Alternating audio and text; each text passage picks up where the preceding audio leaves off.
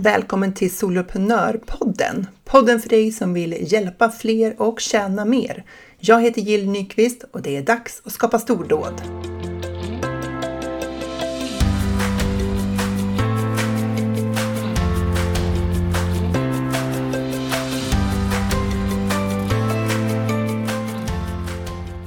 Är du i det läget där du har eh, du driver företag, du har väldigt många saker som du tycker är roliga att göra i ditt företag så du har liksom många idéer för eh, vad du ska göra och vilka du ska hjälpa. Jag tänker att eh, alltså vi brukar ofta prata om det här med popcornhjärnor och det handlar ju om att man får väldigt många idéer. Och egentligen så vill jag säga så här. Många idéer är en bra sak. Det är inget dåligt med att vara kreativ, komma på en massa möjligheter och se lösningar på problem. Det är ju det som är entreprenörskap och det är ju fantastiskt. Så det är grunden. Men sen handlar det om hur vi tar hand om våra idéer och hur vi omsätter dem i vårt företag. Och det här finns ju inte ett rätt sätt att göra det på. Man kan göra det på många olika sätt och jag ville prata lite om de här olika vägarna idag. För att det kommer ju med lite för och nackdelar det här beroende på vilket spår vi väljer eller hur vi hanterar alla de här äh, passionerna som det ofta handlar om. Alla de här grejerna som vi gillar att göra i våra företag och människor som vi vill hjälpa med vår kunskap och sådär. Eh, det kommer med sina fram och baksidor, precis som allting gör. Så om du känner igen dig i det, då kan det här vara ett avsnitt eh, för dig. Eh, I mitt företag, eh, så det här är ju eh, i september när jag spelar in det här och hösten ser bra ut tycker jag. Jag har precis släppt in nya medlemmar i Soloprenörerna. Är du en av dem så varmt välkommen! Jag hade mina två föreläsningar. Det var fantastiskt roligt och superstort engagemang på dem. Det är, ja, jag vet inte, det är så galet kul att föreläsa om det här ämnet. Särskilt när man har ett gäng som verkligen engagerar sig och är med i chatten och, och svarar på frågor och kommer med reflektioner och sådär ja, det är liksom en föreläsares dröm. Ja, så och igår då så hade vi första workshopen eh, i Soloprenörerna. Det är en workshop varje månad på ett tema och det här temat handlar om just att utbilda och sälja samtidigt och hur vi kan göra det sömlöst. Jag vet inte, det här skulle kunna vara ett poddavsnitt i sig självt. Jag vet inte om du har kört webbinar någon gång och haft den här väldigt eh, obehagliga övergången mellan utbildning och sälj eh, det här är liksom första man säger i ge värde, allting är så härligt, det är inspirerande. Och så kommer man till pitchen. Och så blir det väldigt annorlunda. Speciellt för oss som gör det. Liksom. Det blir lite den här obehagliga och osmidiga övergången till säljet. Det är det som det handlar om. Att man behöver inte ha det så. Men jag ska inte fastna i det. Eh, så jag har några kunder som jag jobbar med i stordodspaketet som är mitt sex månaders coachingprogram. Eh, det är jättekul att följa utvecklingen för dem. Jag älskar det verkligen. Men jag tar inte in så många eftersom vi jobbar nära ihop och eh, jag har inte utrymme för så många samtidigt så därför är det här ehm, bara för några få åt gången. Och så har jag ett par kunder som jag hjälper långsiktigt med deras digitala marknadsföring, både operativt och strategiskt och vi har jobbat under lång tid nu eh, tillsammans och det är också otroligt härligt tycker jag. För man lär, jag lär ju känna deras verksamheter, människorna på platsen eller om det är en person så liksom gå djupare in på den företagarens eh, resa och vad, vad den företagaren vill med sitt eh, företagande och så vidare. Det, det är jätteroligt. Så jag är eh, bra läge tänker jag och under sensommaren så gjorde jag klart två onlinekurser som jag tänkt att jag ska göra länge. Den ena är Sälj smart med nyhetsbrev och den andra är Skapa din framgångsrika och hjälpsamma medlemstjänst. Eh, det där med medlemstjänsten det är en uppdatering av min första kurs som jag gjorde ehm, och eh, jag har tänkt att jag ska uppdatera den länge. Men det är ju så mycket mer jobb än vad man tror. I alla fall än vad jag tänkte. För du hör ju själv att jag ska uppdatera den. Hur mycket? Det låter inte så. Det låter inte så stort. Och den här e-postmarknadsföringskursen handlar inte om tekniken utan det handlar om strategierna kring e-postmarknadsföring. Hur man får människor att öppna sina nyhetsbrev och vad man ska skriva i dem och hur man ska tänka kring det här. Så jag tänkte att det skulle vara en liten kurs. Du vet så här liten och snärtig med stort värde. Det tar ju ändå lång tid att skapa. Så, men jag är väldigt glad över att jag har fått till dem där nu. Eh, de fyller en viktig strategisk lucka i min perfekta mix av tjänster som jag erbjuder. Dels för att jag vet att de kommer hjälpa många företagare som jobbar online. Eh, men också för att det ökar på den här delen av mitt eh, skalbara erbjudanden, det som ger mig skalbara intäkter. Jag tänker att det blir en perfekt kombo. Så. Men nu ska jag fokusera på att leverera på de uppdrag jag har under hösten och inte gå bananas på någonting nytt. Jag ska hålla i min strategi, fokusera på de här tjänsterna och rikta annonsering mot dem. Och såklart så ska jag skriva klart råmanuset på min science fiction-bok. Jag håller på att skriva en roman. Jag har kommit till 85 000 ord nu. 100 000 är eh, målet. Så jag är ju typ på upploppet nu. Upploppet för råmanuset, det vill säga. För sen återstår det skrämmande mycket mer än så. Jag orkar knappt ens tänka på det. Så jag fokuserar på så här, det stora delmål 1. Få ihop huvudstoryn i ett råmanus. Så. Eh, men att, apropå då att hålla i sin riktning och ta kontroll över vad vi lägger tid och resurser på. Om du känner igen dig i det här med att ha många idéer och ha mycket att göra, men kanske inte tycker att intäkterna är det de ska vara. Du du kanske behöver tjäna mer pengar i företaget. Då kanske de här reflektionerna är för dig. För om man tänker sig liksom så här, vad är fördelarna med att jobba i flera olika spår i ditt företag? Och med det så menar jag att du, du har flera olika målgrupper. Vi säger att du jobbar på två eller tre olika målgrupper och för de här målgrupperna så löser du olika problem det är liksom en viktig grund i det här resonemanget då. Att så här, du har eh, målgrupp A, B och C. Och de har liksom målgrupp A sina problem, målgrupp B har andra problem och målgrupp C har helt andra problem. Så det är liksom ungefär som eh, när jag hjälpte soloföretagare med digital marknadsföring och samtidigt också hjälpte föräldrar som hade barn med ADHD. Det är ett exempel på tve, två helt olika målgrupper med två helt olika problemställningar. Så om det och fördelarna med att jobba i såna, som flera sådana spår, det är ju att skälet till att vi gör det är ju för att vi vill. det är ju för att du, alltså, jag, som jag säger, jag ville verkligen hjälpa båda de här målgrupperna och du kanske har dina målgrupper som du verkligen vill jobba med och inte vill välja bort. Och då är du fri att inte välja bort dem. Och du kan ju utforska det här, eh, hur du kan vilka målgrupper du ska jobba mot, vilka tjänster du ska erbjuda och se vad som passar dig. Du kommer ju lära dig jättemycket på den resan eh, och kanske komma fram till att du kan göra en prioritering så småningom mellan de här målgrupperna. Eller så vill du aktivt hålla kvar dem och jobba på de här spåren samtidigt. Och det är ju det där som är skälet till varför många av oss startar företag. För att vi är multipassionerade och vill många saker och vill kunna agera på de saker vi vill och så vidare. Så det är klart att det finns mycket glädje i det. Så vad krävs för att snurra runt det där då? Ja, många saker såklart. Eh, en sak som jag tänker på snabbast är ju att det kräver eh, god organisation och ordning struktur på, på vårt arbete för att alla de här delarna ska få den uppmärksamheten som vi vill ge dem. Så att du säkerställer att alla målgrupper du jobbar mot får det utrymme av din tid som de behöver för att du ska bygga upp en business i de här. För att ditt företag ska blomstra i alla de här tre målgrupperna.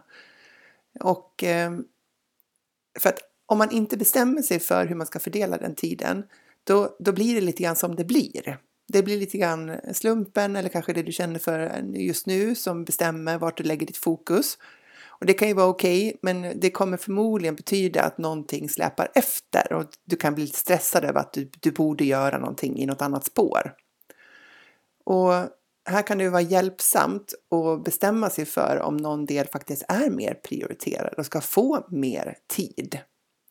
Så, så det finns ju mycket att hantera när man jobbar i flera eh, olika eh, tjänsteområden eller mot olika målgrupper.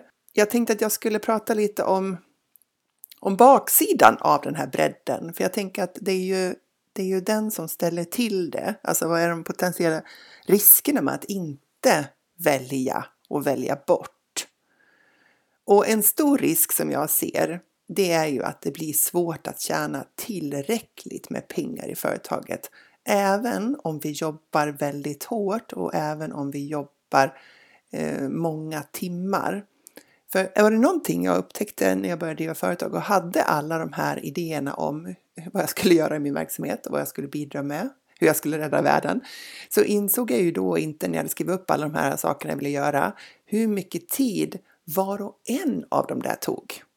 Jag hade ingen aning om hur mycket det krävdes för att sälja in en tjänst.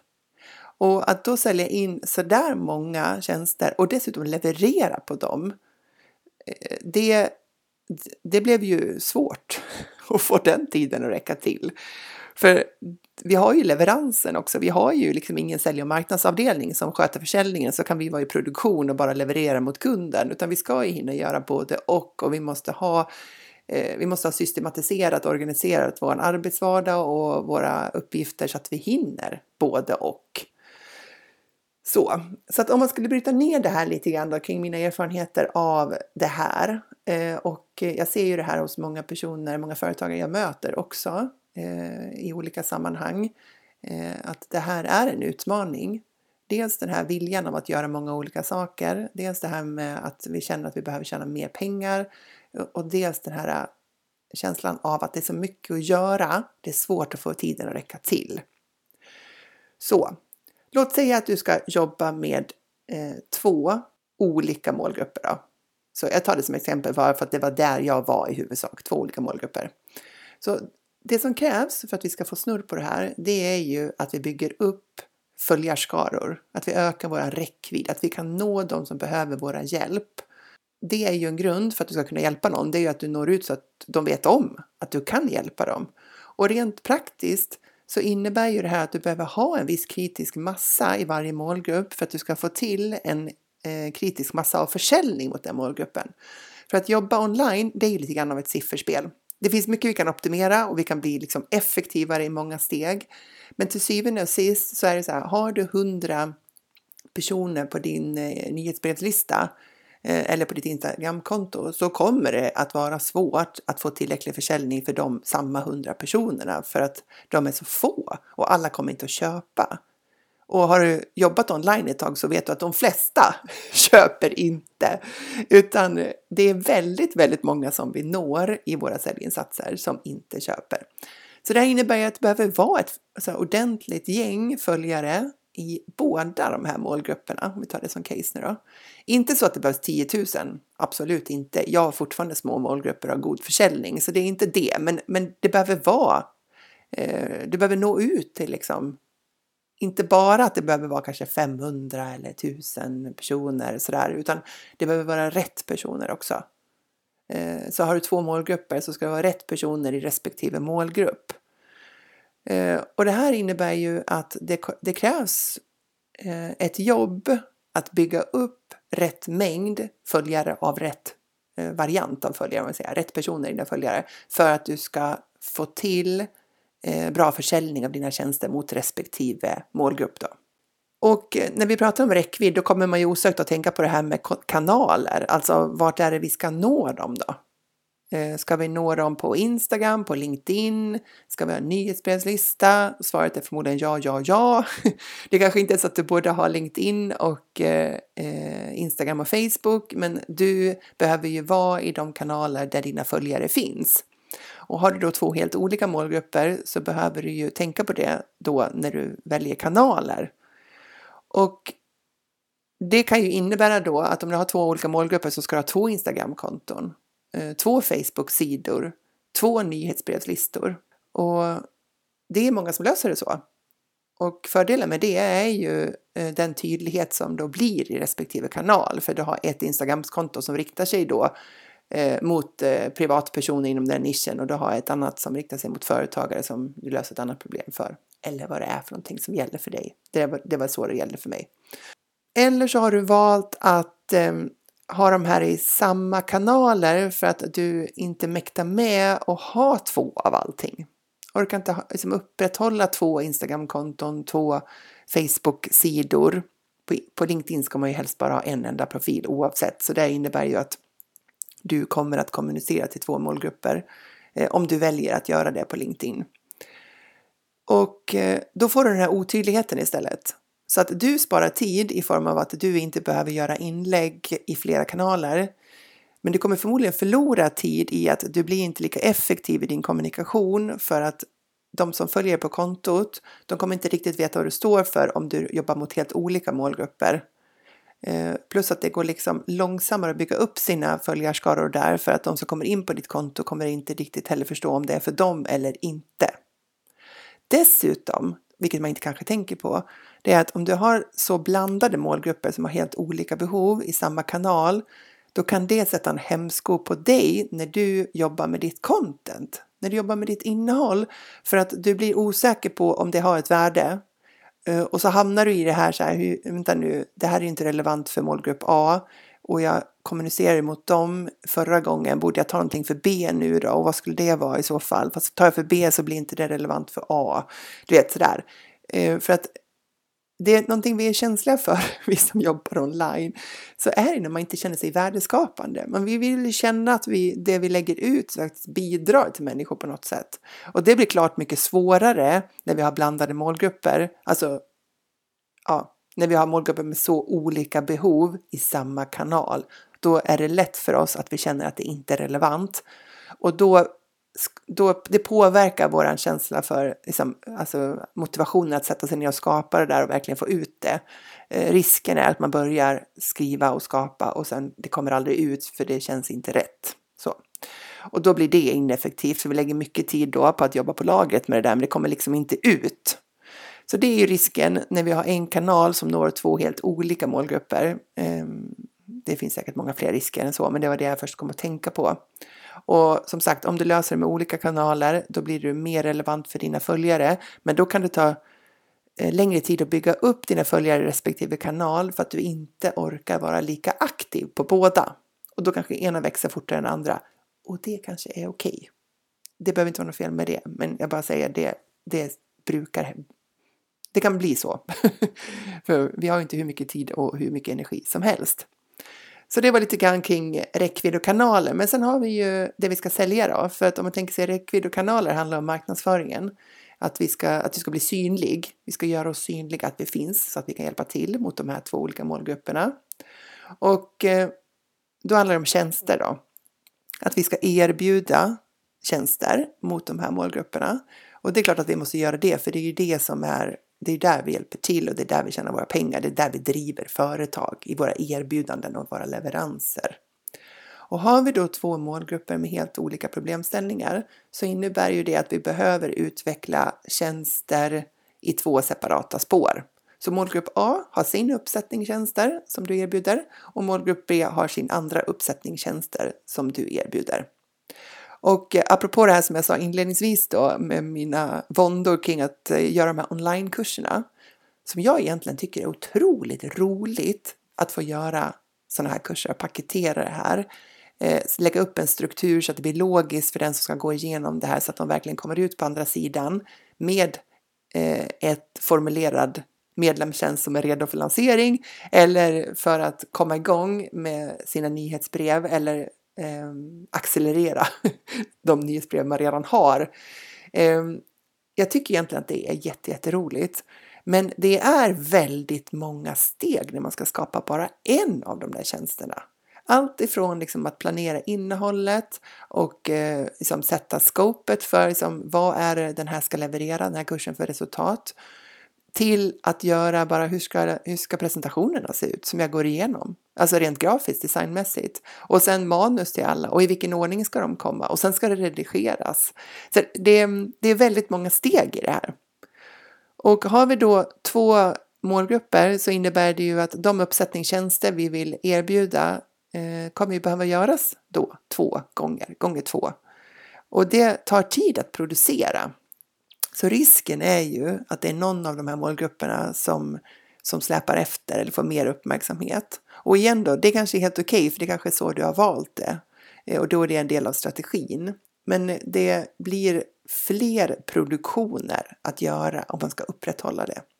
Sen kan det ju vara så att du säger att till målgrupp A så erbjuder jag onlinekurser, jag har en medlemstjänst eh, och jag har coaching. Och målgrupp B, där håller jag föreläsningar och eh, säljer min bok och har en del dagsworkshops. Men inga online Så. så och då innebär det att då behöver du inte sitta och skapa alla de här tjänsterna dubbelt dubbelt för att det, så här, tjänsteutbudet ser ut lite olika för att du har valt att ha det så för att du tror att du hjälper målgruppen på bästa sätt. Då kommer vi till den, eh, den sista trixet kring det här då. Eh, om vi tänker att vi har pratat om räckvidden, målgrupperna, kanalerna, vart de ska synas, tjänsterna, vilket utbud du ska ha. Då kommer vi till den sista då, säljet. Eh, för att även om det är så att målgrupp B får en föreläsning och boken och dagsworkshops som då inte kanske innefattar så mycket produktion för det finns på plats kanske redan. Du har din föreläsning, du har skrivit boken eller du har ett upplägg för de här workshopsen. Eh, så måste du ställa in det här i alla fall. Och säljet, det, det krävs liksom för alla produkter och tjänster som vi avser att erbjuda våra företag. Så det går liksom inte att komma runt om du inte hittat ett väldigt snidigt sätt att automatisera försäljningen på förstås. Det är ju fullt möjligt. Så att din säljapparat handlar om att du använder annonsering för att driva trafik genom en automatiserad säljtunnel. Det är ju fullt möjligt och ett väldigt intressant spår ehm, såklart. Men du kommer att behöva jobba med säljet och beroende på vilka målgrupper det är så kan det där säljet se lite olika ut. Säljer du föreläsningar mot, eh, vi säger, eh, företag, privata företag eller offentliga företag så kommer säljprocessen se annorlunda ut än om du säljer onlinekurser, medlemstjänster eller coachingprogram. Så du behöver ju ha tid då att skapa de säljstrukturer som krävs för att sälja in eh, föreläsningar respektive till Eh, det andra spåret då kanske onlinekurs eller medlemstjänst. Och där behöver du också ha både tid, kraft och energi för att ta dig an det ehm, i båda spåren då, i den utsträckning som du har tänkt dig. Och det är lätt där också att det släpar efter att någon del får högre fokus än någon annan och så vidare. Och det där kan ju skapa lite dåligt samvete. Det kanske är okej, okay, du kanske har bestämt dig för det, men så känner du att det ändå skaver lite grann för nu har du inte gjort någonting inom det där området på länge eller mot den där målgruppen på länge och så vidare. Så det är lite grann av de baksidor som jag ser av den här härliga framsidan av att kunna bestämma själv, jobba mot flera målgrupper, erbjuda de tjänster vi känner för. Eh, den här friheten som kommer med att sätta, eh, sätta alltså fatta sina egna beslut, sätta sina egna strategier. Eh, för det, det är såklart att det är vi helt fria att göra. Du får ju bestämma precis själv i ditt företag. Så det här kanske bara är liksom en, en, eh, en reflektion att göra om det är så att du tycker att det går för trögt i ditt företag. Om du tycker att så här, jag borde ha kommit längre i försäljningen eller jag, har liksom, jag behöver tjäna mer pengar i mitt företag. Att se, se på ditt nuläge och se om det är så att du, eh, du fördelar din energi på för många saker och att du jobbar på en sån bredd att det tar lång tid att komma framåt.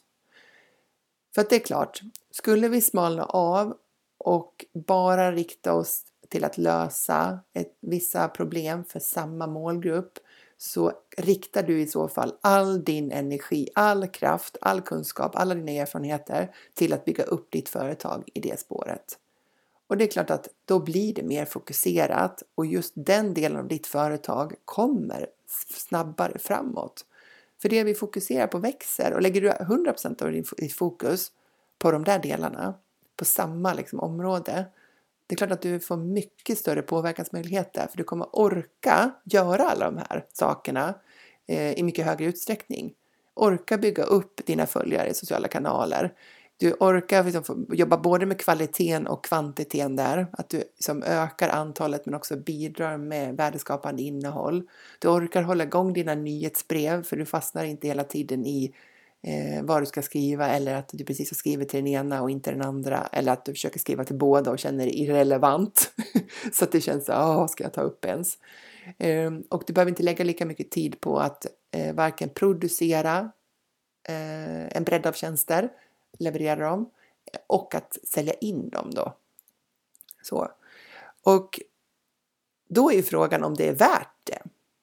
För det här kommer ju an till lite grann så här, hur vill du jobba i ditt företag och vad är prioriterat? För det kanske inte är så att intäkterna är det högst prioriterade för dig. Det kanske snarare är så att det du jobbar med kommer först och huruvida du tjänar en viss mängd pengar eller inte på de tjänsterna är sekundärt. Det beror ju på vad vi har för, för, liksom, för situation i livet och kring oss och företaget och så vidare. Eh, så att det kanske är så att du vill jobba i de här spåren för ditt företag, för det är det mest prioriterade. Och då vet du det. Och är det så att det stämmer på dig, då tänker jag att du måste påminna dig själv om det eh, de gånger du blir frustrerad över att det går för långsamt. För det känns ju inte rättvist.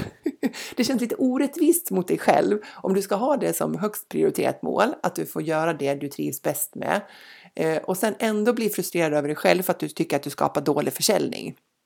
För du har inte liksom riktigt givit dig själv de allra bästa förutsättningarna att eh, få upp intäkterna Ehm, i ditt företag på det sättet då eftersom du gör många olika saker och fokuserar på många olika saker. Eh, och då tänker jag att då kanske du behöver väva in den när du analyserar liksom varför du är där du är och att, att du då tycker att det är okej. Okay. Alltså att så här, jag kommer att fortsätta driva de här eh, tjänsterna framåt och eh, om det då tar längre tid att bygga upp ekonomin kring det, då, då är jag okej okay med det. Eller så Tittar du på vad du lägger din tid på idag, eh, inom vilka områden och för vilka tjänster och så gör du någon form av liksom, bedömning. Jobbar jag med de tjänster och de områden som är mest prioriterade i mitt företag utifrån att ekonomi ska gå före? Alltså att du ska kunna tjäna de pengar du behöver, Vi säger att du har det som övergripande mål.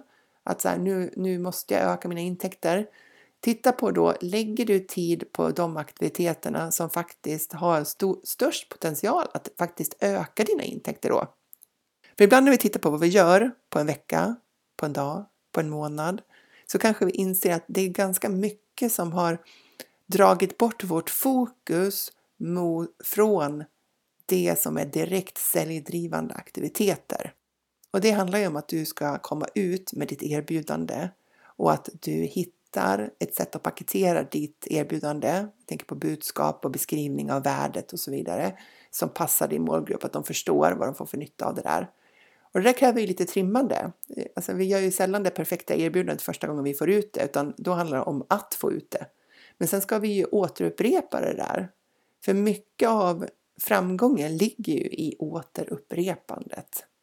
Och att vi orkar erbjuda en igen och igen och igen då blir vi bättre och bättre på det om vi liksom uppmärksammar vad som händer i processen och lär oss efter vägen. Då kan ju en sån här analys av så här, vad lägger jag tiden på visa att det är inte det som får tiden, utan tiden går åt till andra saker, utforska nya grejer eller liksom hitta nya samarbetspartners kanske eller utforska andra spår i ditt företag som, som tar din tid men som inte ger de direkta resultaten som du då behöver. Så är det så att ekonomin står står överst på agendan i ditt företag. Då behöver du sätta på dig vd-hatten och faktiskt titta på då vad är det i ditt företag som har störst potential att få in pengar och jobba på de sakerna. Låta dem guida vad du eh, lägger din tid och din energi på. Så det var ju vad jag tänkte kring det här med att eh, att ha många idéer, att vilja hjälpa väldigt många inom många olika målgrupper och ha en eh, antingen en genuin ovilja att välja bort det eller att man inte har reflekterat över att det är så där det är. Det, är lite, det där är lite olika. Ibland är vi väldigt medvetna om att så här, jag borde kanske fatta ett beslut men på riktigt så vill jag inte. och så vill vi inte. Och då är det då är det ditt val, då är det vårt val att göra. Eh, men ibland handlar det bara om att vi inte riktigt tänkt på eh, att, att vi gör det här och att vi skapar de här utmaningarna för oss själva med den strategin. Eh, och då kanske vi vill välja en ny väg. Så kanske det här diskussionen kan hjälpa dig att både uppskatta din popcornhjärna och alla idéer och all den drivkraften du har och hjälpa dig att eh, fatta ett medvetet beslut kring de här frågorna så att du kan skapa dina stordåd.